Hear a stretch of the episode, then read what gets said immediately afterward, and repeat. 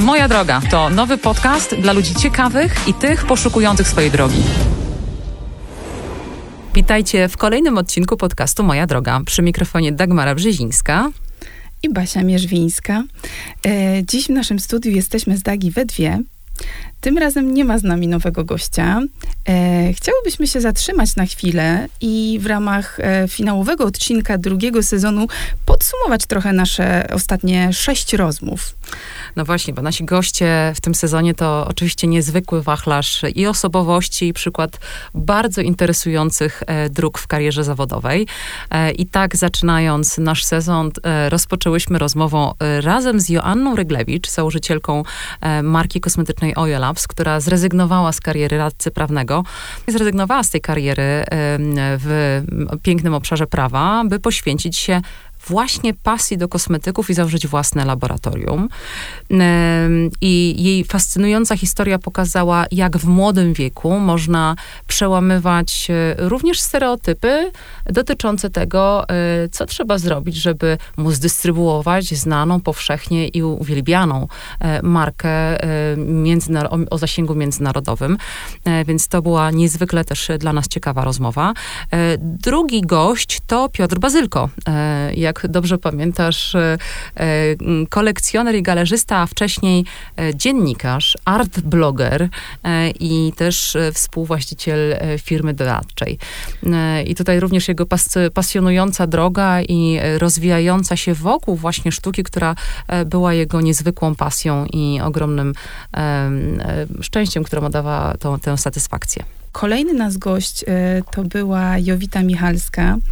E, również e, niezwykle interesująca osoba, e, ambasadorka cyfrowej Unii Europejskiej, ale również założycielka Digital University. Jest to organizacja, która edukuje w obszarze kompetencji cyfrowej, chociaż wcześniej Jowita zajmowała wysokie stanowiska w korporacjach międzynarodowych, także zrobiła takiego dużego pivota po 20 latach pracy zawodowej właśnie E, w korporacjach u kogoś przeszła e, na własną działalność i to w zupełnie nowy obszar. E, nasza kolejna gościnni, Martyna Zastawna, e, zgodziła się na rozmowę z nami świeżo po powrocie ze Stanów Zjednoczonych, e, gdzie e, spędzała miesiąc e, networkowania e, i spotkań jako jedna spośród 14 najbardziej obiecujących kobiet w biznesie na świecie, według Fortune, e, a jednocześnie założycielka firmy Wash Wash, która zajmuje się cyrkularnością obuwia zaprosiłyśmy również do studia Łukasza Jemioła, polskiego projektanta mody, który od prawie 20 lat e, zajmuje się tworzeniem kolekcji. W każdym roku kilka kolekcji, kilka dropów. E, ukończył Akademię Sztuk Pięknych w Łodzi, więc od samego początku wiedział, że właśnie w tym obszarze chciałby e, się rozwijać. Natomiast nie sądził, że z tej fascynacji pięknem i estetyką i tworzeniem projektów zrobi się z niego taki e, twardy zawodnik w biznesie również. To, to, nie zawsze idzie w parze, jak wiemy. Zgadza się. E, I e, na samym końcu e, naszego sezonu zaprosiłyśmy Lidię Kazen, dyrektorkę kanału TVN, e, której kariera rozpoczęła się od sportu, występując w reprezentacji juniorek e, w siatkówce. Przy okazji e, później eksperymentując e, z różnymi drogami edukacji, od ekologii przez dziennikarstwo, a finalnie wreszcie kończąc na realizacji filmowej, telewizyjnej. I jej droga też pokazuje nam, jak z małego miasteczka i po wielu również bardzo ciekawych ścieżkach doszła do tego miejsca, w którym jest obecnie. Wszyscy nasi, nasi goście to niezwykle inspirujące osoby. I to nie tylko w strefie zawodowej, ale również e, w obszarze takiej świadomości e, celów życiowych, takiego zrównoważonego życia, ale też znajomości lifehacków, które e, pozwalają tym osobom maksymalizować ich własny potencjał, ale też zarządzać stresem, presją, jaka wiąże się ze stanowiskami, które, mm, które piastują, rolami, które wykonują.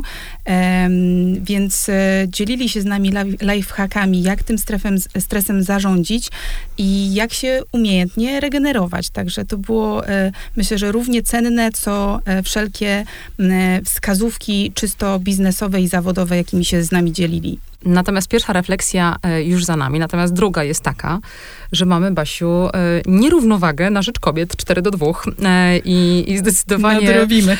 Tak, w drugim sezonie musimy, musimy to nadrobić. Ale pomimo, że oczywiście dzisiaj nie mamy naszego gościa lub gościni, nie odmówimy sobie zadania, paru pytań na rozgrzewkę jak najbardziej. Ale może w takim bardziej właśnie lekkim, wakacyjnym wydaniu te pytania. Bardzo proszę e, i od razu mówię, żadna z nas nie widziała tych pytań, które każda sobie zadaje, w związku z tym Basia nie wie, jakie ja mam przygotowane pytania i nie są to te standardowe, które zadajemy gościom, a ja z kolei też nie wiem, co Basia przygotowała. Ale będą I... tylko po dwa pytania. To żeby było łatwiej. Jesteśmy już dosyć rozgrzane. Dokładnie. Basia, bez czego nie wyjedziesz na wakacje? Um, bez książki na pewno, bez bliskiej osoby. E, lubię e, czas sama ze sobą, ale jednak e, wakacje i piękne miejsca e, lubię spędzać i dzielić e, z kimś bliskim.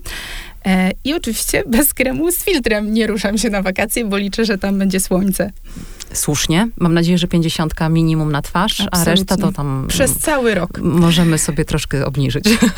No to Dagi, teraz e, pytanie, które e, może nie być krótkie w twoim przypadku, znaczy odpowiedź może nie być krótka, bo jest to pytanie, co znajdę w twojej torebce? O matko!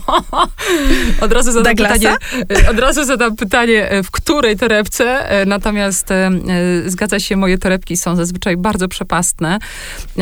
Co tam można znaleźć? Na pewno można znaleźć kosmetyki przeróżnej e, treści. Na pewno zawsze mam przy sobie perfumy. E, kocham zapachy, uwielbiam. E, no, to jest w ogóle dla mnie niezwykle sensory, ta, ta, ta sensoryka. Jak ubranie, no, albo ważniejsze. No, tak, ale wiesz, to jest, to, ten zapach jednak zawsze musi ze mną być. Na pewno też zawsze mam przy sobie notatnik. Mhm. E, ja jestem analogowa, nie potrafię zapisywać e, rzeczy w komórce. E, muszę mieć ze sobą mały notatnik, zawsze mam przy sobie pióro lub też długopis, ale nigdy jakiś przypadkowy. Ja lubię takie rzeczy jak długopisy i notatniki. Gadżety. tak, wiesz o tym od wielu lat Ładne prezentowo, rzeczy. tak, od wielu lat prezentował najprostszy prezent dla mnie, pójść do tak zwanego papiernika i, i ja absolutnie jestem zachwycona. Odkryłam, słuchaj, w ogóle piękne w maju jak, jak byliśmy e, to e, na Soho w Nowym Jorku, odkryłam fantastyczny sklep, w którym właśnie przesiadywałam godzinami. E, I to był ja tam to, nie mogę trafić. Nie, i to był sklep, w którym były same długopisy i różnego wow. rodzaju notatniki. To wszystko. Super. Więc to jest pełnia szczęścia dla mnie. Także notatnik z piórem, do tego faktycznie kosmetyki, perfumy, a i kable. Oj, kable. Kabelki do ładowania telefonu, niestety potrzebna rzecz w dzisiejszych czasach. Tak, wyładowuje mi się bardzo szybko niestety. Czyli nie do końca analogowo, kable, tak, no, baterie. No, tak, baterie, kable to, to tak, no niespodziewanie dosyć. No dobra, Basia, y, to ja wrócę do wakacyjnego tematu. Y, jakie miejsce na świecie jest na twojej liście do zobaczenia?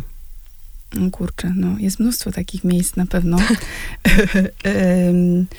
na przykład Nowa Zelandia czy Japonia, ale szczerze mówiąc, chwilowo taki etap wyjeżdżania w takie jak najbardziej odległe miejsca, egzotyczne, mam trochę za sobą, bo swego czasu pojeździłam, byłam w Azji, byłam w Afryce, oczywiście Europa, Ameryka Północna, Kanada, Stany, a teraz troszeczkę bardziej stawiam na mm, wyjazdy po Europie żeby zainspirować moje nastoletnie córki e, pod kątem e, miejsc do zdobywania edukacji, bo marzy mi się, że będą spędzały semestry nauki za granicą, e, zbierały w ten sposób doświadczenia i e, właśnie stąd takie pomysły trochę na city breaki, ostatnio Londyn, przed nami Berlin e, i właśnie chciałabym pokazać im miejsca, które ja już znam, ale właśnie z tej, z tej perspektywy.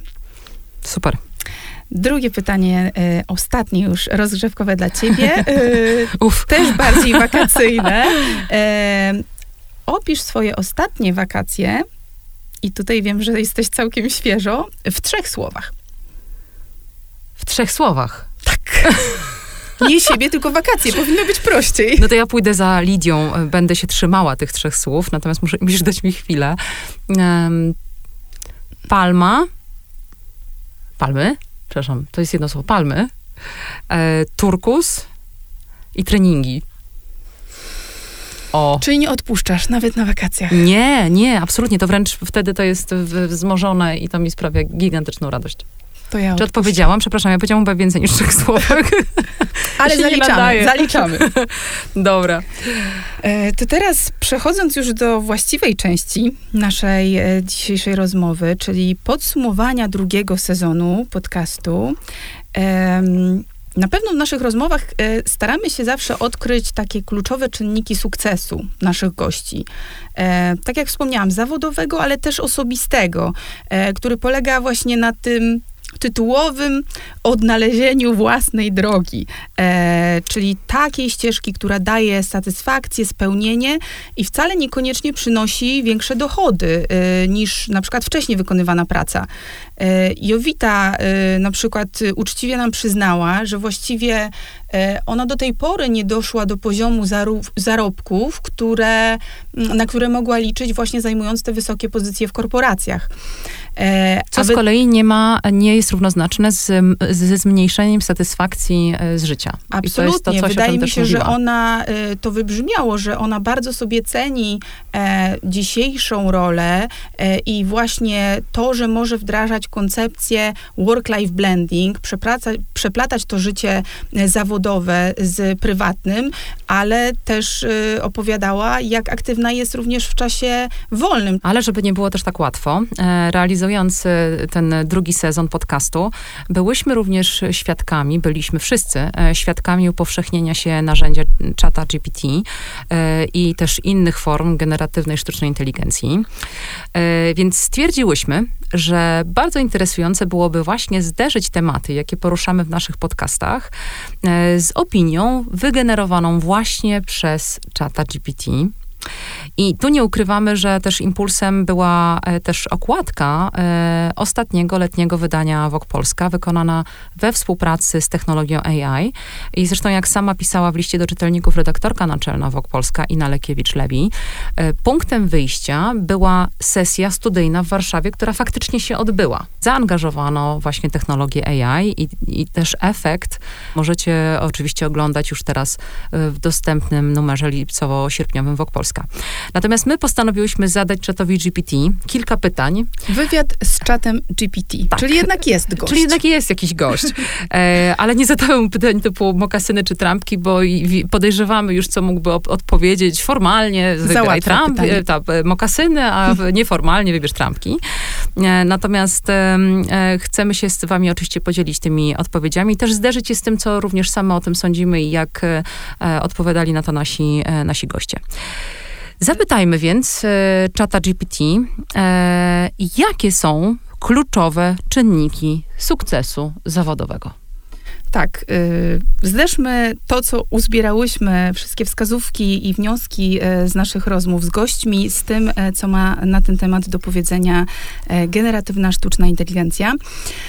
A oto odpowiedź, jaką otrzymałyśmy od ChatGPT. Mm, Poprosiłyśmy również, żeby te e, kluczowe czynniki sukcesu e, uszeregować e, w kolejności od najważniejszej, czy od, od najważniejszego. Na pierwszym miejscu znalazła się pasja i zaangażowanie. To jest w ogóle dla mnie fenomenalne, ponieważ tu się chyba zgadzamy w stu procentach. Absolutnie. E, że i nie mamy wątpliwości, że pasja i zaangażowanie, e, którym wykazywali się też nasi goście, i zaraz wrócę do tego, to naprawdę kluczowy czynnik sukcesu w czymkolwiek, co nie robimy. Nie tylko zawodowego, ale również prywatnego. I tutaj, gdyby Joasia e, Ryglewicz nie była, jak to pięknie sama określiła, beauty junkie, nie wiem, czy pamiętasz, tak. nie odważyła się. Pomimo, e, że była już bardzo głęboko zanurzona w edukację, zainwestowała w karierę radcy prawnego. Dokładnie, czyli etapie. w zupełnie czymś -hmm. innym. E, I ona by się po prostu nie zdecydowała na to, żeby śmiało pójść do właścicielki e, francuskiej firmy, firmy rodzinnej, żeby poprosić ją o to, żeby mogła sama dystrybuować w tak młodym wieku, dystrybuować produkt w Polsce. I gdyby nie jej pasja, i gdyby nie jej zaangażowanie, o którym też wspominała właśnie podczas naszej rozmowy, to ta rozmowa zupełnie nie przebiegłaby tak, jak ona tego oczekiwała, bo to jej zaangażowanie wystarczyło, żeby przykryć no też, umówmy się, ten dwustronicowy biznesplan, który przedstawiła, wydaje mi się, że nie był wystarczający. Natomiast to, co przekonuje wiele osób, to jest właśnie ta pasja i zaangażowanie. Podobnie e, mówiła o tym Jowita Michalska która opowiadałaby, opowiadała o tym, że oczywiście to, czym się zajmowała, było niezwykle interesujące, natomiast była niezwykle ciekawa i była totalnie zafascynowana E, właśnie nowymi technologiami. Ona nie zostałaby ambasadorką cyfrową Unii Europejskiej, gdyby nie miała też w sobie właśnie tej pasji do rozszerzania wiedzy dla siebie samej, ale też do przedstawiania e, tej technologii innych, innym. E, I to właśnie stanowi o jej, o jej sukcesie. Tak samo zresztą Martyna Zastawna nie wiem, czy pamiętasz, mówiła o tym, że e, jej zaangażowanie właśnie w ten projekt bardzo społecznie odpowiedzialny, to jest całe sedno tego, co, jak ona widzi świat. To jest jej właśnie, to jest w jej DNA i to jest coś, co ją niezwykle pasjonuje. Jakie są jeszcze technologie? Co można jeszcze zrobić, żeby właśnie e, te, ten, ten, tę cyrkularną modę wprowadzać? Tak, i podobnie jak e, Joasia Ryglewicz zupełnie zawróciła ze swojej ścieżki edukacji, bo studiowała zdaje się, komunikację społeczną. I e, pracowała w agencji reklamowej. Dokładnie, więc jej kariera była też już e, dosyć rozpędzona. Rodzina też e, była z niej ogromnie dumna, także ta łatka buntowniczki już wtedy jej przypadła, bo faktycznie tak pochłonął ją ten projekt, w który wierzyła i, i, i zaangażowała się w niego całym sercem, co też zaowocowało dojściem do najwyższego uznania, nawet międzynarodowego właśnie w tym zakresie mody cyrkularnej. Dokładnie, zwłaszcza, że y, wiesz co, to co bym chciała tutaj zaznaczyć, to ta pasja i zaangażowanie um, mają też niezwykłe implikacje. I tą implikacją jest między innymi to, że pasja i zaangażowanie, którą mamy w pracy, powoduje, że jesteśmy o wiele bardziej zdeterminowani i wytrwali w dążeniu do celu. I to właśnie też właśnie pokazała Martyna, opowiadając o tym, że pomimo wielu perturbacji z inwestorami, e, czy ze skalowaniem biznesu, ona cały czas miała motywację i ten silny, e, wewnętrzny tak naprawdę kop do tego, żeby, żeby ten biznes cały czas rozwijać i to ma ogromny również wpływ i to też udowadniają badania, że pasja bardzo często prowadzi do zdecydowanie zwiększonej kreatywności i przeprowadzania nowych, innowacyjnych pomysłów.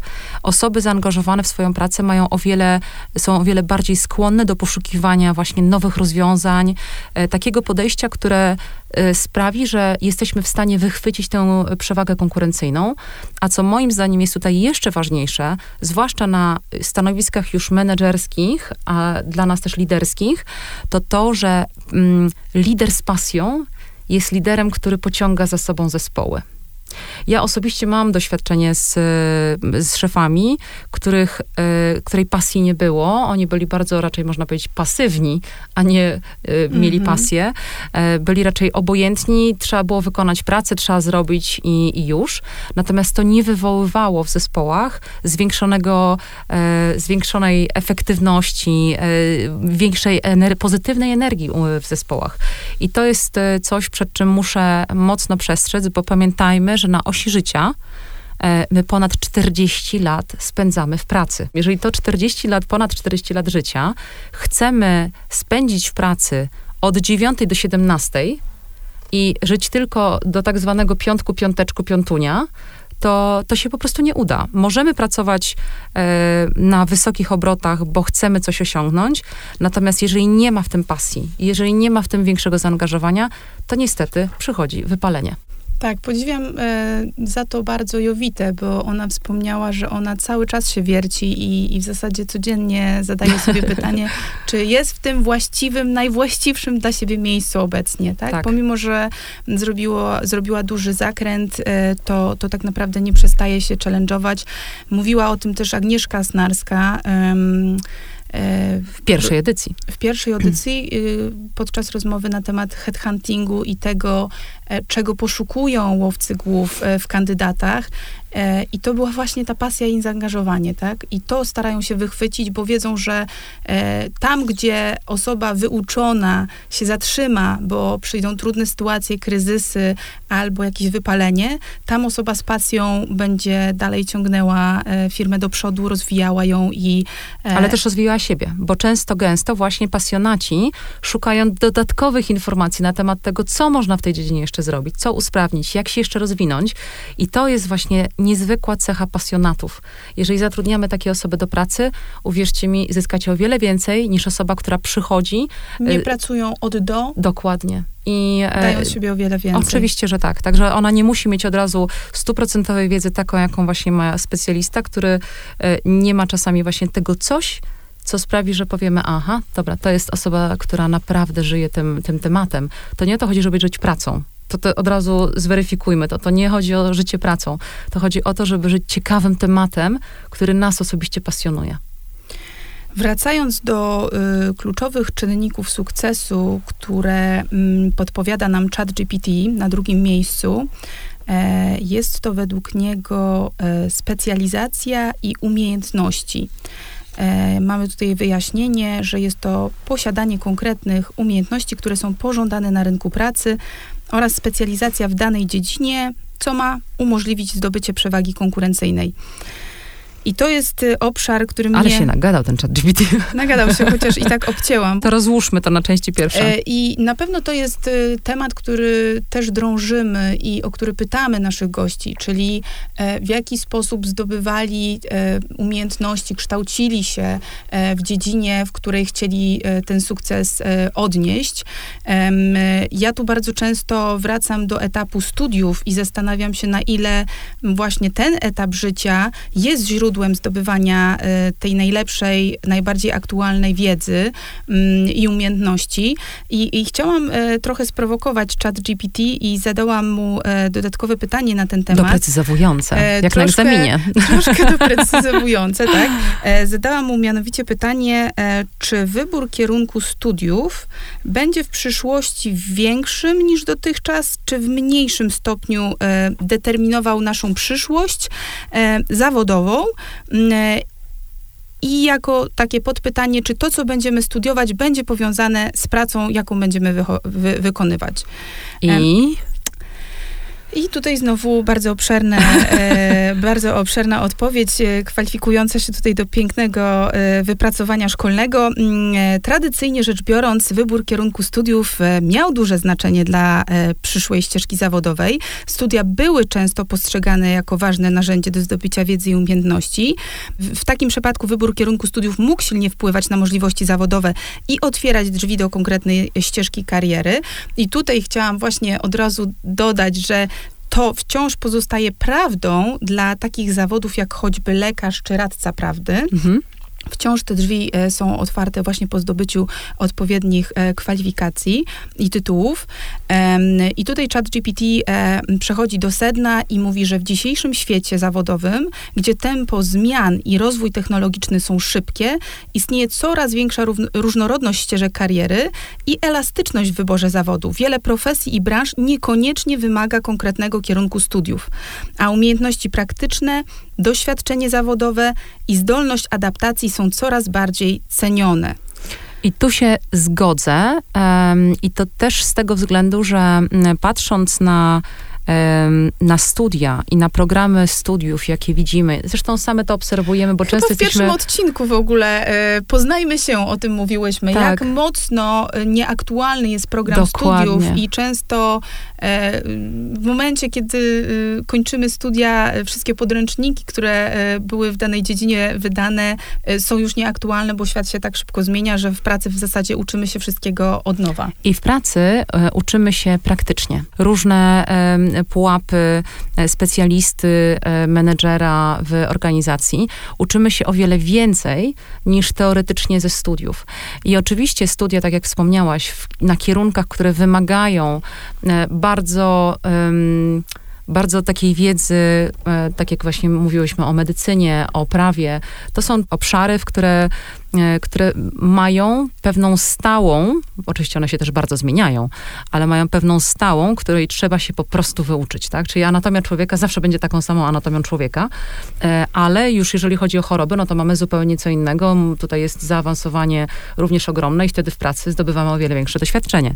Natomiast e, wracając do, do tego, o czym powiedziałyśmy, te umiejętności specjalistyczne, ja jestem zdecydowanie z czatem GPT w pełni zgodna, że o wiele bardziej wolę osobę, która ma e, ciekawe staże e, i wykazuje się zrozumieniem specyfiki firm, aniżeli osobę, która ma trzy studia, e, studia podyplomowe i jeszcze coś jeszcze, natomiast nie ma za dużego bagażu doświadczeń w pracy. Tak, i pozostając cały czas e, właśnie w obszarze e, generatywnej sztucznej inteligencji i tej rewolucji, jakiej teraz e, doświadczamy, trudno oczekiwać, że system edukacji nadąży i przygotuje nas do wykonywania zawodów, które dosłownie powstają na naszych oczach. na przykład rola AI Prompt Engineer, mhm. czyli tak zwany po polsku inżynier podpowiedzi.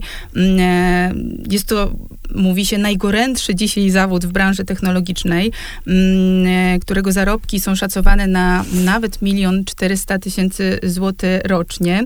E, trudno oczekiwać, żeby e, powstający na naszych oczach zawód był dzisiaj mm, pokryty mm, w ramach któregoś z programów uczelni wyższych.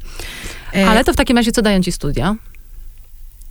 Bo ja tutaj e, będę wchodziła w, ten, w, ten, w tę odpowiedź, którą e, nam później e, zresztą podpowiada chat GPT odnośnie kluczowego czynniku sukcesu. I mianowicie jest to network.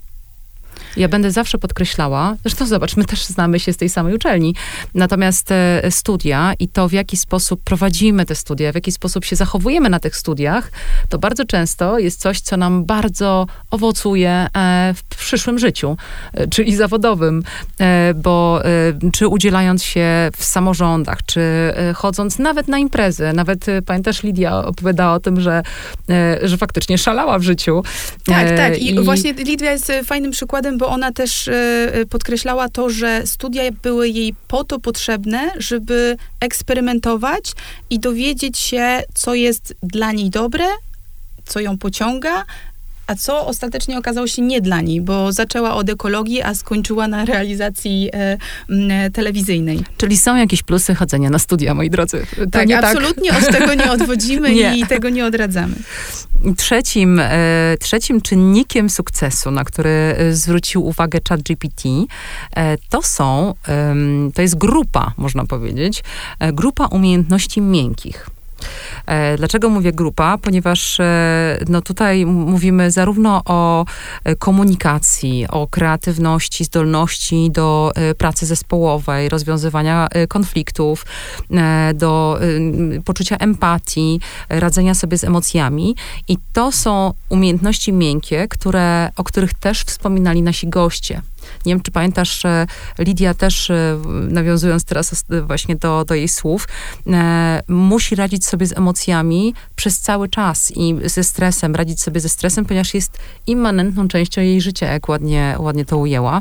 E, więc ona e, jako pewnik przyjęła pewną sytuację stresogenną, natomiast e, dyscyplina w sporcie, pewnego rodzaju również ustrukturyzowanie swojego życia w odpowiedni sposób nauczyły ją radzenia sobie z tymi trudnymi emocjami, a również później de facto ze stresem.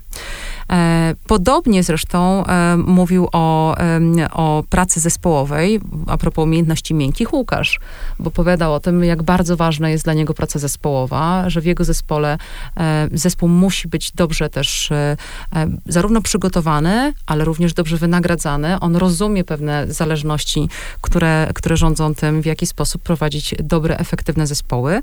E, I co tutaj dużo okrywać, umiejętności przywódcze to jest jeden z elementów, który mm, jest rozwijany w czasie, natomiast pamiętajmy, że liderem, przywódcą nie jest tylko i wyłącznie szef działu. Bardzo wielu mamy liderów właśnie wśród pracowników w zespołach.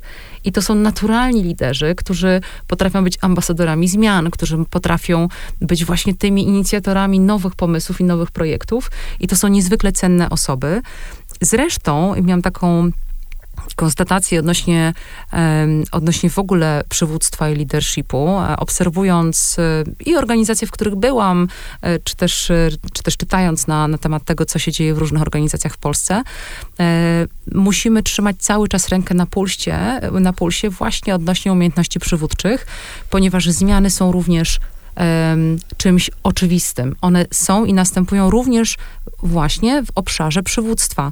I młoda e, generacja, kolejna generacja, która teraz wchodzi na rynek pracy, wymusiła zmianę z tej takiej, z takiego przywództwa autorytarnego, e, które pamiętasz, jak zaczynałyśmy 20 Absolutnie. lat temu. Na wszystkich szkoleniach menedżerskich. Absolutnie tak. Zawsze było to takie przywództwo autorytarne, nastawione bardziej na e, właśnie taki you do the job i jeżeli idziesz do, do szefa, no to oczywiście on ci przekaże ten feedback, natomiast Bycie to jest... też takim właśnie najbardziej e, w, w, organizacji dla swoich e, podwładnych, tym najwyższym poziomem eksperckim, co teraz się absolutnie od tego odchodzi, zatrudnia się osoby, które... Są lepsze od nas. Absolutnie. I to jest to, e, gdzie tak my, się liderzy... Zarządza, żeby wydobywać ten potencjał. Dokładnie tak, więc tutaj nie było nastawienia na wspólną pracę.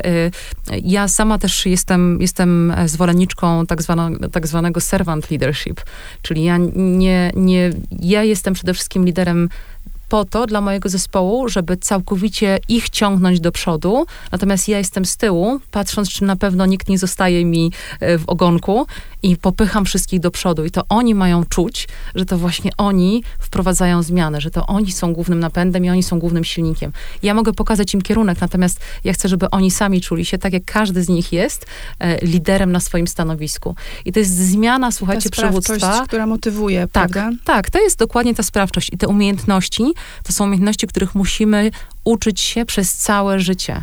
Także umiejętności miękkie to nie jest tylko e, właśnie, e, można powiedzieć, on the job, ale też patrzmy, słuchajmy innych, e, szukajmy pomocy. Ja, pomimo tego, że jestem osobą, która przeprowadza dziesiątki prezentacji w ciągu roku, nawet na podczas ostatniej bardzo ważnej prezentacji też wzięłam trenera do wystąpień publicznych, żeby powiedział mi, jakie obecnie są trendy właśnie przy prezentacjach, jak powinnam modulować głos, w jaki sposób, jakich nawet użyć wyrażeń, żeby było to lepiej zrozumiane. Więc e, no, w tym e, obszarze konieczne jest cały czas e, e, praca nad sobą, konieczne cały czas jest zdobywanie nowych umiejętności. Do tego punktu, który mm, omówiłaś właśnie, dorzuciłabym e, kolejny czynnik sukcesu, który ChatGPT umieścił nieco niżej, ale właśnie ten networking, czyli, czyli tutaj wśród tych umiejętności miękkich na pewno jest to ta umiejętność budowania sieci kontaktów mm, i, i też umiejętność, która właściwie y, pozwala nam zmieniać y, zawody, zmieniać swoje role i, i czerpać właśnie y, czy z tego etapu studiów, czy wcześniejszych doświadczeń zawodowych. Także myślę, że ten networking e, też mamy już omówiony, ale przeszłabym e, do, do E, zupełnie nowego e, czynnika. E, myślę, że absolutnie się zgadzamy, że jest bardzo wysoko u nas również na liście takich krytycznych czynników determinujących szanse na osiąganie sukcesów. I jest to adaptacja do zmian. Hmm. Także tutaj ChatGPT dopowiada, że świat pracy dynamicznie ewoluuje, dlatego umiejętności adaptacji i elastyczności są niezwykle ważne dla utrzymania się na tym rynku pracy.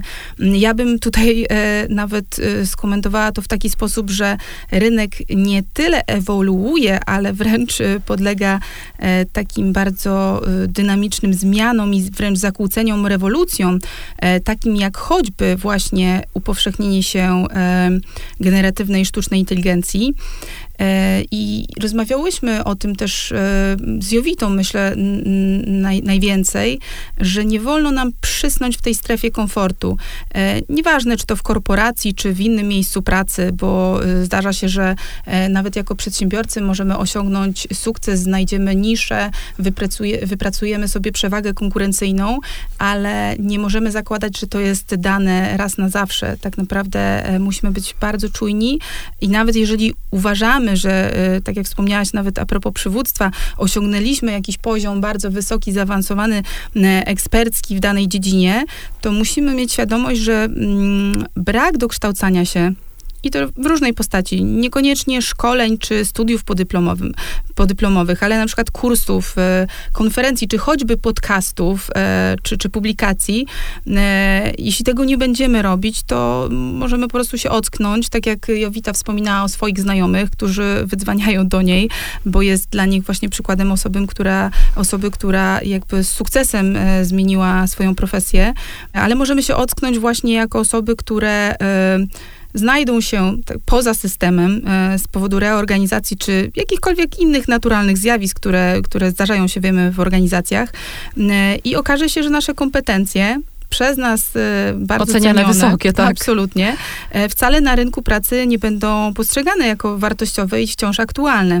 Także myślę, że tutaj... Ale to zobacz, to jest cały czas wychodzenie z tej strefy komfortu. I każda z tych osób musiała wychodzić e, poza swoją strefę. Nawet Lidia użyła takiego ładnego sformułowania, że ona jest w swojej strefie komfortu, a my stwierdziliśmy, właśnie nie jesteś, bo ty jesteś tak ciągłej zmianie i jesteś tak ciągłym wychodzeniu poza tę strefę komfortu. I to jest, uważam, bardzo ciekawe i, i proponuję, żebyśmy przyjęli, e, jako oczywiście też stare powiedzenie, jedyną stałą jest zmiana i nie ma co oczekiwać, że to, co jest tu i teraz, będzie tak samo wyglądało za miesiąc lub za dwa, ponieważ to się całkowicie zmieni. I dlatego to zresztą jest bardzo dobrze powiązane e, z jednym również z czynników, które wykazał ChatGPT odnośnie kluczowego czynniku sukcesu. E, właśnie w... Przepraszam, ale ja bym jeszcze chciała, wiesz co, się zatrzymać, bo wydaje mi się, że właśnie ta cała generacja generatywna sztuczna inteligencja to jest najlepszy przykład teraz, bardzo konkretny, z którym musimy się wszyscy mierzyć. Mhm. E, dzisiaj rozmawiałyśmy w studiu e, z naszym wspaniałym realizatorem, który powiedział, że oni również w swojej pracy angażują chat GPT. I myślę, że przekładając te y, piękne teorie, wnioski z naszych rozmów na czyny, y, każdy z nas powinien y, y, naprawdę na bieżąco śledzić rozwój choćby rozwiązań z zakresu generatywnej sztucznej inteligencji i badać możliwości wykorzystania jej w swojej codziennej pracy. Na szczęście nawet dotarłam do takiego świeżego całkiem badania mm, zrealizowanego przez firmę Salesforce z maja tego roku, mm, gdzie mm, do 4000 pracowników zwrócono się właśnie z pytaniem na temat gotowości ich do korzystania z mm, generatywnej sztucznej inteligencji i e, płyną z tego mm, dość pozytywne wnioski, ponieważ e, ponad 60% tych osób e, zadeklarowało, że używa lub planuje używać generatywnej sztucznej inteligencji. Pojawiły się też oczywiście pewne obawy i ryzyka. 54% zadeklarowało, że obawia się, że wyniki generatywnej sztucznej inteligencji nie są dokładne mm, i też 60% y, tych respondentów y, nie miało do końca pewności, w jaki sposób zapewnić y, choćby bezpieczeństwo danych wrażliwych. No tak, natomiast tutaj mówimy o firmie technologicznej.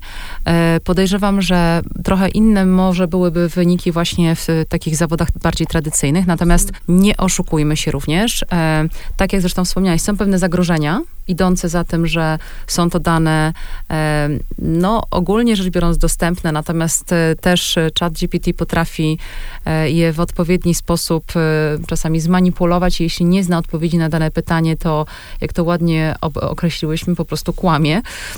I nad tym oczywiście pracują mądrzy tego świata. Natomiast w zawodach, których się nie spodziewałyśmy, i tutaj patrz chociażby fotografia o której wspomniałam na samym początku, również e, mogą zacząć wykorzystywać tę technologię, która fenomenalnie może wzbogacić ten e, repertuar, te narzędzia, którymi w tym momencie się posługują. Więc e, są zagrożenia, oczywiście, i wiemy o nich, i widzimy, i dlatego ja wszyscy właśnie chciałabym dla odmiany podkreślić te zagrożenia, bo myślę, że e, sam fakt, że rozmawiamy tutaj z czatem GPT i wpuściłyśmy go e, do naszego podcastu, e, świadczy o tym, że jesteśmy ogromnymi fankami, e, ale właśnie a propos jeszcze tych halucynacji, e, o których O, wspomniałeś, tak zwane halucynacje sztucznej inteligencji, e, które wynikają z tego, że właśnie albo nie rozumieją te modele zadawanych pytań przez ludzi, albo je błędnie interpretują, nie potrafiąc wygenerować e, poprawnych odpowiedzi, właśnie mm, zaczynają je po prostu wymyślać. E, I ja tutaj chciałam tak właśnie ku przestrodze, e, bo, bo tak jak e, wspomniałam, jesteśmy fankami i zachęcamy ogromnie, żeby śledzić i wykorzystywać na co dzień, bo kto nie będzie wykorzystywał, to mm, e, naprawdę zostanie z tyłu. Natomiast chciałam przytoczyć dwa, e, dwa przykłady właśnie tak zwanych halucynacji sztucznej inteligencji. Jeden przypadek jest dosyć drastyczny ponieważ e, dotarłam do takich danych, że przedstawiciel firmy mm, z branży medycznej, Nabla, testując potencjalne porady, jakie mógłby uzyskać pacjent e, szukający porady e, u chat GPT, e, w momencie, kiedy stwierdził, że bardzo źle się czuje i zadał pytanie, czy powinienem się zabić, uzyskał odpowiedź, myślę, że powinieneś. Także to jest taki dosyć Że to drastyczny jest mega drastyczne. Chciałam zupełnie świadomie o tym wspomnieć, ponieważ wiemy, jak młode pokolenie, jak często ucieka w rozwiązania właśnie cyfrowe, czasami unika kontaktów e, społecznych, rzeczywistych i e, posiłkuje się tak e, wiedzą dostępną w internecie, e, również w tych strefach, e, w sferach e, czy medycznych, czy psychologicznych. Także tutaj e, z premedytacją o tym wspominam. E, tak jak powiedziałaś, e, na pewno, na pewno ten obszar będzie też się rozwijał, ale miejmy świadomość, że e, trzeba odpowiedzialnie korzystać i też e, monitorować, w jaki sposób korzystają z tego e, nasi, nasi bliscy. E, ja e, mam jeszcze taki swój własny osobisty przykład z e, halucynacjami e, generatywnej sztucznej inteligencji. E, na szczęście o dużo mniejszym e, znaczeniu, e, jeśli chodzi o konsekwencje. Pamiętam, jak całkiem niedawno przygotowywałam się do takiej konferencji z udziałem międzynarodowych gości do wystąpienia i e, e, w ramach researchu sięgnęłam do ChatGPT i poprosiłam o przykłady współprac e, środowiska startupowego z instytucjami z sektora publicznego w branży medycznej w Europie. E, I dostałam bardzo ciekawą listę, e, ale okazało się, że po zgłębieniu tych e, przykładów i projektów wspomnianych przez ChatGPT, okazało się, że niektóre z nich po prostu nie istnieją. Okej. Także dobrze, że zachowałam czujność i, e, i w ramach swojej prelekcji e, nie zacytowałam e, tych wszystkich e, pięknych przykładów, bo, bo część z nich po prostu e, nie miała miejsca w rzeczywistości. Tak, tutaj nie ma drogi na skróty, aczkolwiek ja e, wykonałam e, pewną pracę odnośnie też czata GPT, wykorzystania go również w mojej pracy. E, I e, z raportu rynkowego, który akurat znalazłam opublikowanego w sieci, dost, ogólnodostępnego, który był bardzo obszerny, bo on miał ponad 80 stron, chciałam wyciągnąć esencję i poprosiłam czata GPT właśnie o stworzenie takiego streszczenia menedżerskiego tak zwanego. E, I powiem szczerze, że byłam e, naprawdę pod wrażeniem tego, jak e, w, niekró- w krótkim czasie, oczywiście przy odpowiednio zadanym pytaniu, i tutaj musimy być również bardzo Precyzyjni, pod precyzyjni. jakim kątem ma tak, być to czyli to, jeżeli już mówimy o, o zadaniu pytania, to nie możemy mieć jakiegokolwiek znaku zapytania pod kątem jasności, intencji, ewentualnie tego, co chcemy uzyskać, jaki efekt, o jaki efekt nam chodzi. Tu trzeba nawet wielowątkowo poprowadzić jedno, jedno pytanie, żeby, żeby można było zadać je właśnie czatowi GPT. Natomiast ja przyznam, że skróciło mi to sporo, ponieważ pomimo tego, że szybko czytam, mhm. to jednak przeczytanie 80 stron versus w ciągu niespełna minuty otrzymanie streszczenia na jedną, dwie strony doprowadziło do tego, że nie musiałam ani nikogo angażować właśnie w przygotowanie takiego streszczenia, więc u nas dział analiz nie otrzymał takiego, takiej prośby ode mnie, żeby, żeby przygotować takie streszczenie. Natomiast sama sobie mogłam w ciągu kilku, kilku minut odpowiedzieć na pewne e, znaczy na pewne pytania, które mnie e, interesowały. Więc e, używajmy czata GPT, natomiast bardzo rozważnie, ale chyba powinniśmy wrócić w ogóle do tego naszego kluczowego pytania, które zadałyśmy odnośnie czynników też sukcesu w kolejności od najważniejszego do, do, do, do najmniej e, przy e, czynnikach sukcesu zawodowego. O pierwszym opowiedziałyśmy pasja i zaangażowanie, później miałyśmy umiejętności i specjalizację, następnie umiejętności miękkie, Opowiedziałaś o adaptacji do zmian. Mamy jeszcze trzy, mianowicie jest to dążenie do celu. I tu chyba żadna z nas nie ma wątpliwości, że to jest y, e, wyznaczanie sobie celów. I to zresztą kiedyś już o tym mówiły, mówiłyśmy nawet w pierwszym, e, w pierwszym sezonie naszych, naszych podcastów, że wyznaczanie sobie celów, nawet tych krótkoterminowych, e, pomaga nam o wiele lepiej przygotować się do, do pracy, rozłożyć ją na kluczowe etapy, i dzięki temu również motywować się, ponieważ jak to mówią też bardzo mądre powiedzenia, zjedzmy tego słonia po kawałku. I czasami ten cel wydaje się być Małymi wielki, kęsami. ale ten, ten słoń potrafi, tego słonia potrafimy y, zjeść naprawdę po kawałku. I to jest, wydaje mi się, akurat niezwykle ważne, żeby to dążenie do celów, określenie, jasne określenie celów zawodowych i tego, gdzie podążamy, jest tutaj kluczowe. E, networking, o którym właśnie również wspomniałaś. Troszkę go dorzuciłyśmy do tych umiejętności miękkich. E, omawiałyśmy też to wcześniej przy okazji e, właśnie czynników sukcesu wspominanych przez naszych gości. No i kończąc na pracy nad sobą, czyli na ciągłym samorozwoju i to nie tylko w obszarze zawodowym, ale też właśnie w prywatnym, bo no, nie jesteśmy robotem, gdzie mamy umiejętność A, umiejętność B, tylko nasze umiejętności bardzo często są współzależne od siebie, czyli podciągając jedną umiejętność na przykład w obszarze komunikacyjnym, może się okazać, że świetnie będzie nas wspierała w umiejętnościach prezentacji i tak dalej, i tak dalej. Także zdawajmy sobie sprawę z tego, że musimy podchodzić do naszego rozwoju holistycznie. Tak, y, przypomniało mi się y, w jednej z naszych rozmów właśnie we dwie y, w ramach podcastu. Y, ja wspomniałam, byłam świeżo po szkoleniu, które uświadomiło mi, że y, w żadnej dziedzinie nie można spocząć na laurach i wspomniałam wówczas o takim zaczerpniętym ze szkolenia sformułowaniu aktualizacji danych. Och tak, tak, tak. Które tak. powinniśmy również stosować e, właśnie tak jak powiedziałaś, w życiu prywatnym i w stosunku też do bliskich, bo my się zmieniamy, oni się zmieniają, więc cały czas musimy być otwarci na to, e, E, jacy jesteśmy i e, odpowiadać na robić, swoje tak, potrzeby. Tak, żeby nie robić zbyt wielu założeń. Więc to jest tych osiem kluczowych czynników sukcesu ułożonych od najważniejszego do, do najmniej istotnego. E, jesteśmy bardzo ciekawe, co o tym sądzicie. Natomiast to oczywiście jeszcze nie koniec naszego nie dzisiejszego... Nie możemy abstrahować od tego, że jesteśmy w środku wakacji. Tak. I niektórzy z was są zapewne przed urlopami, niektórzy są już po. Tak jak my. Niestety, ale na szczęście mamy też przed sobą wspólne workation e, w pięknym miejscu w Europie, czyli praca, praca zdalna, ale, ale w e, bardzo atrakcyjnym e, miejscu turystycznie również. Myślimy, że to jest dobra okazja, żeby podzielić się z wami tytułami książek, które według nas warto zabrać ze sobą na wakacje. E, oczywiście nie każdy zdecyduje, czy w tym okresie chce uprawiać edutainment, e, o którym mówiła Jowita, e, czy zupełnie się odciąć i zrelaksować, e, ale myślę, że tutaj każda z nas e, podpowie pozycję zarówno z tego obszaru e, bardziej rozrywkowego, jak i, jak i takiego rozwojowego. To ja mam e, trzy książki, które akurat przeczytałam. E, znaczy ostatnią nie, ale to powiem dlaczego. E, nie, nie, znaczy nie całą. E, mam trzy książki tutaj e, od pierwszej, zacznę od pierwszej, e, dosyć może zaskakującej dla osób, które mnie znają, mianowicie książki na temat domu Versace. Dla tych osób, które mnie znają, mogą... Nie jesteś fanką. No właśnie.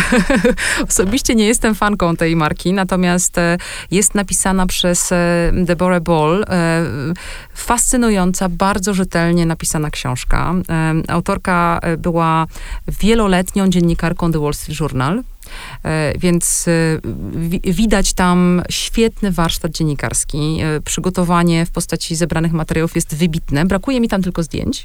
Mhm. Natomiast książka wzbudza niezwykłe emocje, bo pokazuje zarówno ten moment stworzenia marki przez Gianni Versace, bardzo nowatorskie jego podejście do budowania brandu, i do promowania marki modowej. Wyobraź sobie, że wcześniej e, niespotykane było to, że projektant ubierał aktorki Hollywood do gal e, oscarowych. One były ubierane przez kostiumografów, którzy nie zawsze wyczuwali, w czym będą wyglądały najlepiej na zdjęciach, a nie przed kamerą.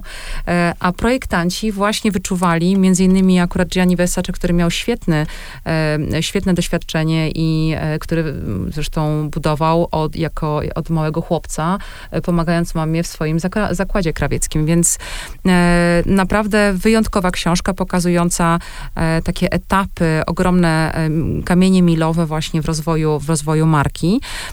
No i również oczywiście po ogromną tragedię, zarówno dla rodziny, jak i dla samej, samego przedsiębiorstwa i marki. No i później bardzo poważne, no i negatywne implikacje z, dla, dla firmy.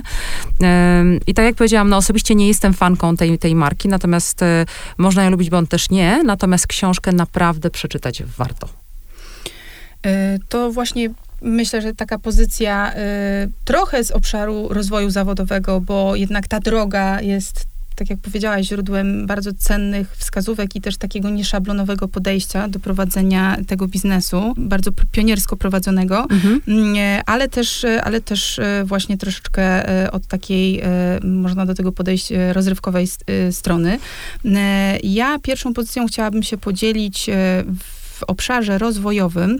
E, i przyznam się, że to nie była książka przeczytana przez wakacje, bo, e, bo czasami potrzebuję rzeczywiście tego resetu i, i wtedy e, sięgam po lżejsze pozycje, ale tą przeczytałam zaraz przed wakacjami i jest to klasyka e, właśnie w dziedzinie rozwoju osobistego, e, pozycja e, wydana po raz pierwszy w 1937 roku, więc absolutny klasyk, jeśli chodzi o właśnie takie poradniki, nie lubimy tego słowa, ale, ale właśnie tak jest nazywane rozwojowe. Jest to książka Myśl i bogać się, jak zrealizować ambicje i osiągnąć sukces. Napoleona Hilla? Zgadza się. E, I e, nowe to stare, wydanie. To jest faktycznie ale stare, nowe no wydanie jest z 2018 roku, jest, e, jest uzupełnione, jest uaktualnione i zawsze chciałam sięgnąć po tą książkę. Mm, nie rozczarowałam się, ale muszę powiedzieć, że wzbudziła we mnie mieszane uczucia, bo z jednej strony nawiązując nawet tutaj do tego czynniku sukcesu, osiągania i stawiania sobie celów, to myślę, że jest genialna i w sposób naprawdę kompleksowy e, podaje takie kroki, e, taką wręcz receptę do osiągnięcia właśnie sukcesu, realizacji tych celów, przedsięwzięć. E, I tutaj zarówno uwzględnia taką bardzo praktyczną stronę e, planowania, zarządzania, nawet relacji międzyludzkiej, e, międzyludzkich, ale też e, porusza taką strefę psychologiczną czyli znaczenie autosugestii, e, wiary w to, co robimy, wyobraźni. E, i, I właśnie e, muszę przyznać, że to ujęcie tematu e, tych psychologicznych tematów. Było właśnie, ciężkie. E, konkretnie temat podświadomości i, i mówiąc wprost szóstego zmysłu, nie do końca był zgodny z moją wiedzą i przekonaniami, e, natomiast była tam jedna naprawdę mega odkrywcza dla mnie rzecz e, i para, paradoksalnie wielu krytyków zwraca uwagę, że jest to takie trochę, mm, że książka reprezentuje taką koncepcję mm, ameryki, amerykańskiego podejścia do osiągania sukcesu, mówiącego o tym, że wystarczy wierzyć Chcieć. i chcieć i sukces jest gwarantowany. Mm, Paradoksalnie wydaje mi się, że, że ta książka zawiera e, mm, dosyć kompleksową receptę, która ma ogromny szan, e, ogromne szanse e, na to, że jeżeli zostanie zrealizowana, to te cele osiągniemy. Mm, I mam tu na myśli to, że Napoleon Hill oczekuje od nas w ramach tych kroków e, zmierzających do osiągnięcia celu określenia ceny, jaką chcemy zapłacić za to, czego pragniemy. E, I ta cena powinna być wyrażona właśnie w postaci swojego zaangażowania, poświęcenia, usług, jakie chcemy świadczyć. Czasu. E, I, i, i, i- I kolejny czynnik, wytrwanie do końca w działaniach, dopóki tego celu nie osiągnę. I wydaje mi się, że te dwa aspekty, czyli, czyli zapłacenie każdej możliwej ceny i wytrwanie do końca e, e, w tych swoich dążeniach, to, to są rzeczywiście e, czynniki, które ten sukces nam zagwarantują. Ale powiem szczerze, że dla mnie zwrócenie uwagi na ten aspekt, który wymaga ode mnie zadania sobie bardzo osobistych i czasem wręcz bolesnych, zmuszających do myślenia pytań, czy na przykład, żeby osiągnąć wymarzony sukces zawodowy czy finansowy, jestem w stanie, i tutaj możemy sobie dodać, e, indywidualnie poświęcić rodzinę, czas Mhm. na swoje pasje. e, Bo, bo musimy sobie zdawać sprawę, że jeżeli nasze cele i dążenia są naprawdę ambitne, to ich realizacja będzie trudna i e, również koszt może być ogromny. Także e, mm, Czyli, polec- warto, czyli warto było przeczytać chociażby dla tych dwóch wniosków. Absolutnie i Mhm. y, uważam, że jest wartościowa na pewno dla osób, które zaczynają przygodę z y, właśnie rozwojem osobistym, bo wiele książek powiela jej tezy, Mhm. y, natomiast, y, natomiast te dwa aspekty były, były cenne y, i tak jak do każdej książki z, pez- z pewną dozą krytycyzmu, ale, ale jak najbardziej uważam, że warto. Super, to ja w takim razie drugą e, książkę zupełnie z innej dziedziny, ale tę też przeczytałam na wakacjach, bo ja faktycznie jak jedę na wakacje, to ja robię ten, e, jak to ładnie nazwałaś? Ten e, entertainment? Edutainment, Edutainment, matko, dobra, edutainment. e, w- czyli u- rozwój tak, przez e, rozrywkę. to jeszcze edutraintainment powinnam powiedzieć, jeżeli chodzi o też treningi.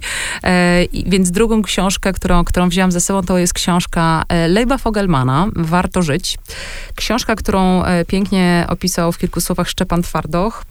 E, mieniące się emocjami i barwami życie Leiba Fogelmana, wyłaniające się z książki jest życiem bezwzględnie wartym poznania.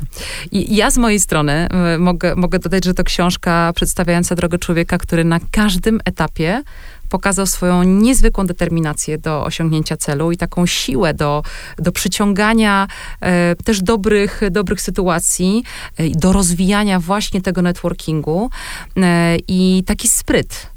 E, Dla mnie to jest absolutnie odkrywcze. Wszystko to, o czym dzisiaj mówiłyśmy, Mhm. można dopasować dokładnie do każdego elementu jego życia. E, Zresztą e, no, stał się obywatelem świata, jest obywatelem świata. Ukończył zarówno Uniwersytet Columbia jako magister nauk humanistycznych i magister filozofii. Zdobył tytuł doktora e, praw Uniwersytetu Harvarda, e, więc ogromne wyróżnienie. Obecnie jest partnerem i członkiem e, Komitetu Zarządzającego w Globalnej Kancelarii Prawnej. Ale uwaga, produkuje też spektakle teatralne, tak? Czyli ma swoje pasje, którym też chce się poświęcić. Jeśli więc naprawdę szukacie książki napisanej bardzo lekkim, takim fajnym piórem, z dużą dawką humoru, ale też taką e, inspirującą do działania, e, to jest to ten tytuł, tylko trzeba się uzbroić w to, że jak się siedzi wśród innych, na przykład na plaży, e, to mogą, ich relaks mo- może być przerywany salwami śmiechu, które, które wywoła w was ta książka. E, Bardzo polecam, świetna, świetna lektura. To rzeczywiście e, rewelacyjna pozycja na wakacje. E, ja też tutaj w ramach drugiego tytułu mam, e, mam książkę, która y, nawet odchodzi od edutainment, czyli, czyli jest to e, powieść o miłości. O, E, to dość niestandardowe jak e, na nas. Y, Troszkę tak, ale, ale książka jest też absolutnie e, niestandardowa i mam na myśli tutaj pozycję Małgorzaty Niezabitowskiej Światłość i Mrok. Mhm. E, powieściowy debiut osoby według mnie wybitnej, e, dziennikarki, autorki książek, scenariuszy, nawet sztuk teatralnych, reporterki, e, no i chyba e, znanej od tej strony każdemu rzeczniczki prasowej e, rządu, Tadeusza Mazowieckiego. Ale wracając do samej powieści, tak jak powiedziałam, jest to absolutnie niesztampowa, niebanalna opowieść o wielkiej zakazanej miłości hasytki i bogatego ziemianina, których dzieliło wszystko. Pochodzenie, religia, obyczaje. Mm, I ta książka przybliża nam kulturę żydowską i przenosi nas w rok 1930 E, w, mm, na Kresy Wschodnie, w przedednie wojny, e, w miejsce, gdzie od lat egzystują e, Polacy, Żydzi, Ukraińcy, ale są niezmiernie uwikłani w niełatwe relacje, pełne namiętności i dramatów. E, mnie osobiście zachwycił klimat tej książki, chociaż zdaję sobie sprawę, że to nie musi każdemu pas pasować, ale do mnie absolutnie przemówiło. E, znakomity warsztat Małgorzaty e, Niezabitowskiej i, i umiejętność kreowania odległe rzeczywistości, ale y, co nie jest oczywiste, w zgodzie z prawdą historyczną. Także dodam tylko na koniec, że mm, czytając y, wywiady, dowiedziałam się, że research na wielu płaszczyznach, e, e, właśnie zarówno faktów historycznych, jak i obyczajów, e, zajął Małgorzacie trzy lata, żeby, żeby zmierzyć się z tą pozycją i, e, i, i skończyć tą książkę. Także absolutnie Wpisuję polecam. na listę. Brzmi jak, jak dobra książka, aczkolwiek dopiero wtedy, jak przeczytam ostatnią, którą zaczęłam czytać i w ogóle podziwiam siebie, że ją wzięłam ze sobą. E, dlaczego? Dlatego, że książka ma 1300 stron, e, a ja wow. nie czytam na czytnikach e, e, tych... To cegiełka w walizce No, takie trzy cegiełki. E, więc ta ostatnia książka, której, e, której, którą chciałam wam przedstawić, to The World, A Family History, napisana przez Simona Sabaga Montefiore. To dzieło, bo, bo tylko tak mogę to nazwać, zostało wybitnie, wy, dostało wybitne opinie wystawione przez Financial Times, The Times, e, The Economist. E, The Spectator nawet napisał e, sukcesja spotyka Grotron. Natomiast jest to, słuchajcie, zebrana historia świata od Neandertalczyków e, aż po inwazję e, Rosji na Ukrainę. E, natomiast czyta się ją fenomenalnie i czyta się ją zaskakująco lekko. Dlaczego? Dlatego, że jest napisana z punktu widzenia rodzin które miały wpływ na przebieg historii. O, to coś dla mnie. Słuchajcie, genialnie, ale genialnie się to czyta. Naprawdę jest to. Ludzi. Tak, jest to, tam są przedstawione tak niezwykłe sylwetki i tak niezwykłe, można powiedzieć, anegdoty, e, ale no, bazujące na faktach e, i na historii, prawdziwych historiach, które, które się wydarzyły miały miejsce i miały wpływ na przebieg losów świata. E, I one właśnie naznaczyły bieg, bieg historii. Świetnie napisana, naprawdę nie muszę nic więcej czytać. Nie przejmujcie się tysiącem e, ponad no, tym, tą książką, no to jest 1300 stron, wiem o tym. E, ciężkie. Ile ci to zajęło? Z Wiesz swoimi zdolnościami szybkiego, szybkiego czytania? czytania? Wiesz co, no jestem w tym momencie na tam 300 którejś stronie, okay. e, więc ja jestem dopiero na, wiesz, jakby wy, wyszłam z na, od Neandertalczyku dopiero. E, jestem na, średnim, śred, na średniowieczu, natomiast, e, natomiast na pewno e, była to też świetna rozrywka, zwłaszcza po tych dwóch, które przeczytałam, ale miałam tylko dwa tygodnie urlopu, więc y, no niestety musisz wybaczyć. Y, mm. Ale to znowu ciekawa pozycja e, w ramach edutainment. O tak, znaczy to jest idealnym, e, to jest idealnym e, właśnie takim przykładem edutainmentu. Zachęcam do ołówka z podkreślaniem, bo jest tam wiele ciekawych faktów, które poszerzają naszą wiedzę i możemy stać się bogaci o wiele ciekawych faktów. Więc to są te trzy tytuły, które zdecydowanie ja z mojej strony bym poleciła. Ja absolutnie wpisuję Małgorzatę Niezabitowską na swoją listę. Ja mam jeszcze A trzecia? jedną pozycję właśnie i myślę, że ona tak fajnie, fajnie zwieńczy te nasze dzisiejsze rozważania, bo jest to książka Mindset. E, change the way you think to fulfill your potential. E, ja ją czytam, faktycznie czytałam w języku angielskim. Książka napisana przez e, amerykańską psycholog ze Stanford e, University, e, Carol Dweck. I ona poświęciła właściwie swoją działalność naukową właśnie zagadnieniom związanym z motywacją i e, nastawieniem wobec wyzwań, więc e, absolutnie coś, co jest przedmiotem naszego podcastu. I właśnie szukała sobie odpowiedzi na pytania, dlaczego niektórzy osiągają znacznie więcej od innych, pomimo że posiadają bardzo podobne uzdolnienia. E, I, i, również zadawała sobie pytanie, dlaczego jedni interpretują porażki jako ważne lekcje, podczas gdy inni poddają się i rezygnują e, łatwo z, e, ze postawionych sobie celów. E, I tak e, skracając e, tą koncepcję, mm, chodzi w niej o to, że mm, właściwie dzielimy osoby na, na dwie skrajne, reprezentowane przez nich postawy. Jest to tak zwany fixed mindset, czyli po polsku pewnie zakotwiczone nastawienie i grow mindset, czyli nastawienie prorozwojowe. Przy czym fixed mindset to jest orientacja na talent i konkretne wyniki i tutaj muszę rozwinąć, że mm, to nastawienie polega polega na tym, że posiadamy przekonanie, że jeżeli talent się ma, y, to nie trzeba się y, wysilać. Y, ciężka praca jest traktowana jako przejaw braku predyspozycji do danych prac i kiedy osoba posiadająca takie nastawienie mm, tak zwane zakotwiczone napotyka trudności, ona prawdopodobnie zrezygnuje z realizacji celu, z obawy przed tym, że ujawni e, właśnie w tych próbach e, swoje deficyty. Takie osoby zwykle preferują łatwe zadania e, i takie, które sobie znają, czyli ta mm, słynna strefa komfortu, o, mhm. której, o której mówimy.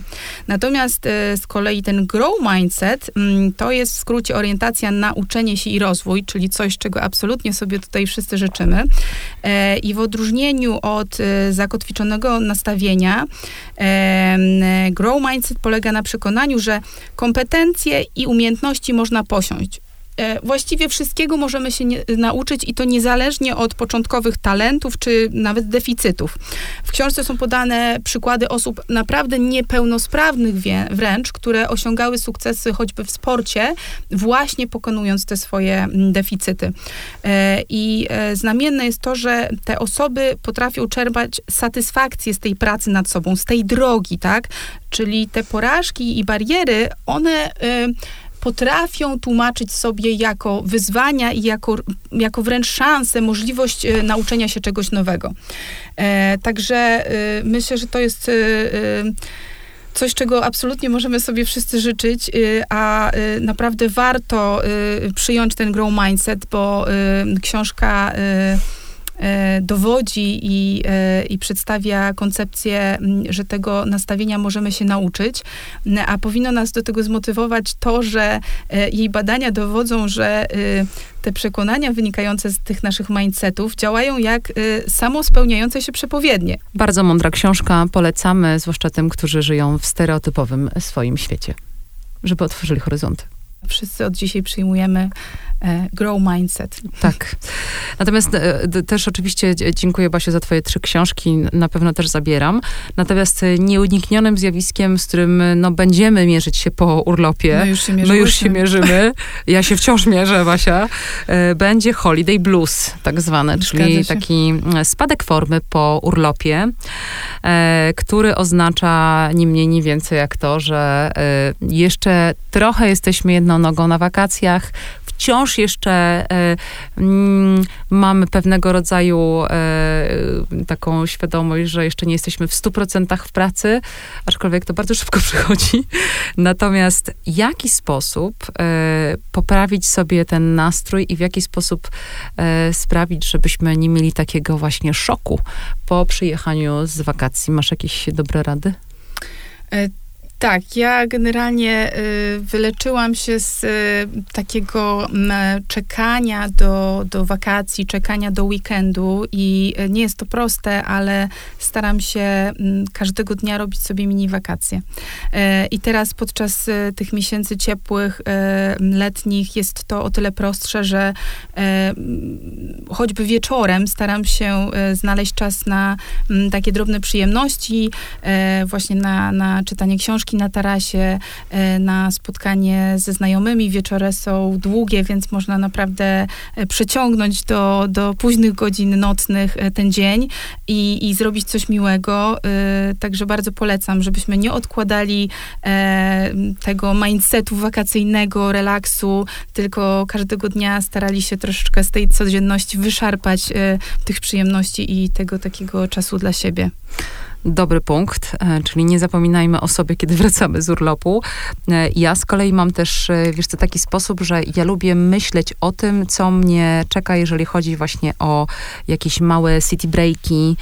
Ja już będąc w samolocie powrotnej drodze do domu, już planuję kolejny palcem cel. po mapie kolejny cel. Mhm. Najpierw na krótkie wyjazdy, bo wiem, że jest to takie coś, co mogę szybko w miarę z, zorganizować i są to takie weekendowe wyjazdy, chociażby jak ten, o którym dzisiaj wspomniałyśmy, który nas czeka e, weekendowo.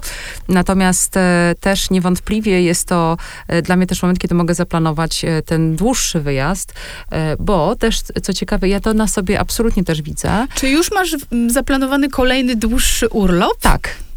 Mam. E, za kilka miesięcy. Wiem, gdzie chcę Ciekawe. pojechać, e, więc jedyne, co mi pozostaje, to teraz przeglądanie ofert e, miejsc, sprawdzenie, jak, co mogę zrobić, bo spędzamy zawsze czas bardzo aktywnie. I to sprawia, że ten holiday blues mnie aż tak bardzo nie napada, bo ja już wiem, cieszę się na coś innego.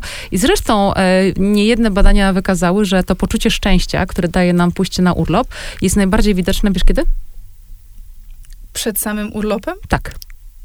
Słuchajcie, to jest niesamowite. Wcale tak niekoniecznie myślałam, ten... ponieważ urlopy często rozczarowują. No, no, właśnie, wiesz co, mamy takie wie, tak wysokie oczekiwania. Zgadza się. Idealizujemy tak. miejsce, pobyt, nasze samopoczucie podczas tego urlopu. Że nagle jak się okazuje, że przyjeżdżamy i to, to nie jest, może to miejsce nie jest tak zielone, albo nie jest tak pustynne, albo nie jest albo jakieś jeszcze inne. Nie ta, Dokładnie. Albo nagle zaczęło padać, a przecież y, miało być pięknie i, i, i cudowne niebo.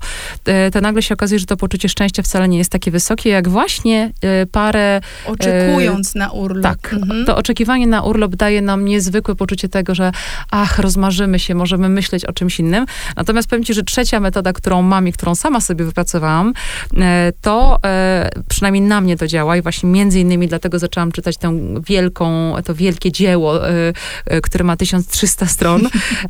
Mianowicie nigdy nie kończę ostatniej książki, którą mam na urlopie, tylko staram się ją przywieźć do domu i kontynuować ją w domu. Świetny lifehack. E, bo to jest coś, gdzie jak tylko zabieram tę książkę, ja ją pamiętam z tego momentu, kiedy brałam ją na plażę, albo kiedy szłam z nią na taras, albo kiedy e, no, zaczęłam ją czytać właśnie na urlopie. Czyli I, ona kojarzy i ona z tymi dokładnie, miejscami, z tym dobrym samopoczuciem, Dokładnie relaksem. tak. I to jest coś, co, co mam, zwłaszcza, że później, wiesz, czasami z tej, z tej, z tej, z tej książki wylatuje mi gdzieś piasek, albo jakaś karta mm -hmm. na przykład do pokoju, e, co mi się niejednokrotnie Namacalne zdarza. dowody, że ta książka była na wakacjach. Dokładnie, więc y, to jest taki lifehack, który ja stosuję i on y, pomaga, natomiast przy tej wielkiej księdze y, na pewno to, to było oczywiste, że z nią nie przyjadę całej przeczytanej, więc tak to wygląda. Świetnie. Teraz to naprawdę zbliżamy się już do końca y, naszego dzisiejszego nagrania i tym samym całego drugiego sezonu podcastu Moja Droga. Dokładnie. Bardzo dziękujemy również za wysłuchanie tego dzisiejszego wakacyjnego, nieco innego w formie e, podcastu, e, odcinka. E, miło, że spędziliście z nami te kilkadziesiąt minut. Mam nadzieję, że nie przekroczymy godziny. Albo w drodze na urlop, albo oczywiście w drodze do pracy. Wysłuchajcie nas albo na Spotify'u, albo na Apple Podcast, albo właśnie na kanale Wok Polska na YouTube. I już teraz zapraszamy Was do kolejnego, trzeciego sezonu podcastu Moja Droga, który zaczniemy nagrywać dla Was już po wakacjach. Więc do usłyszenia i udanego urlopu. Do usłyszenia.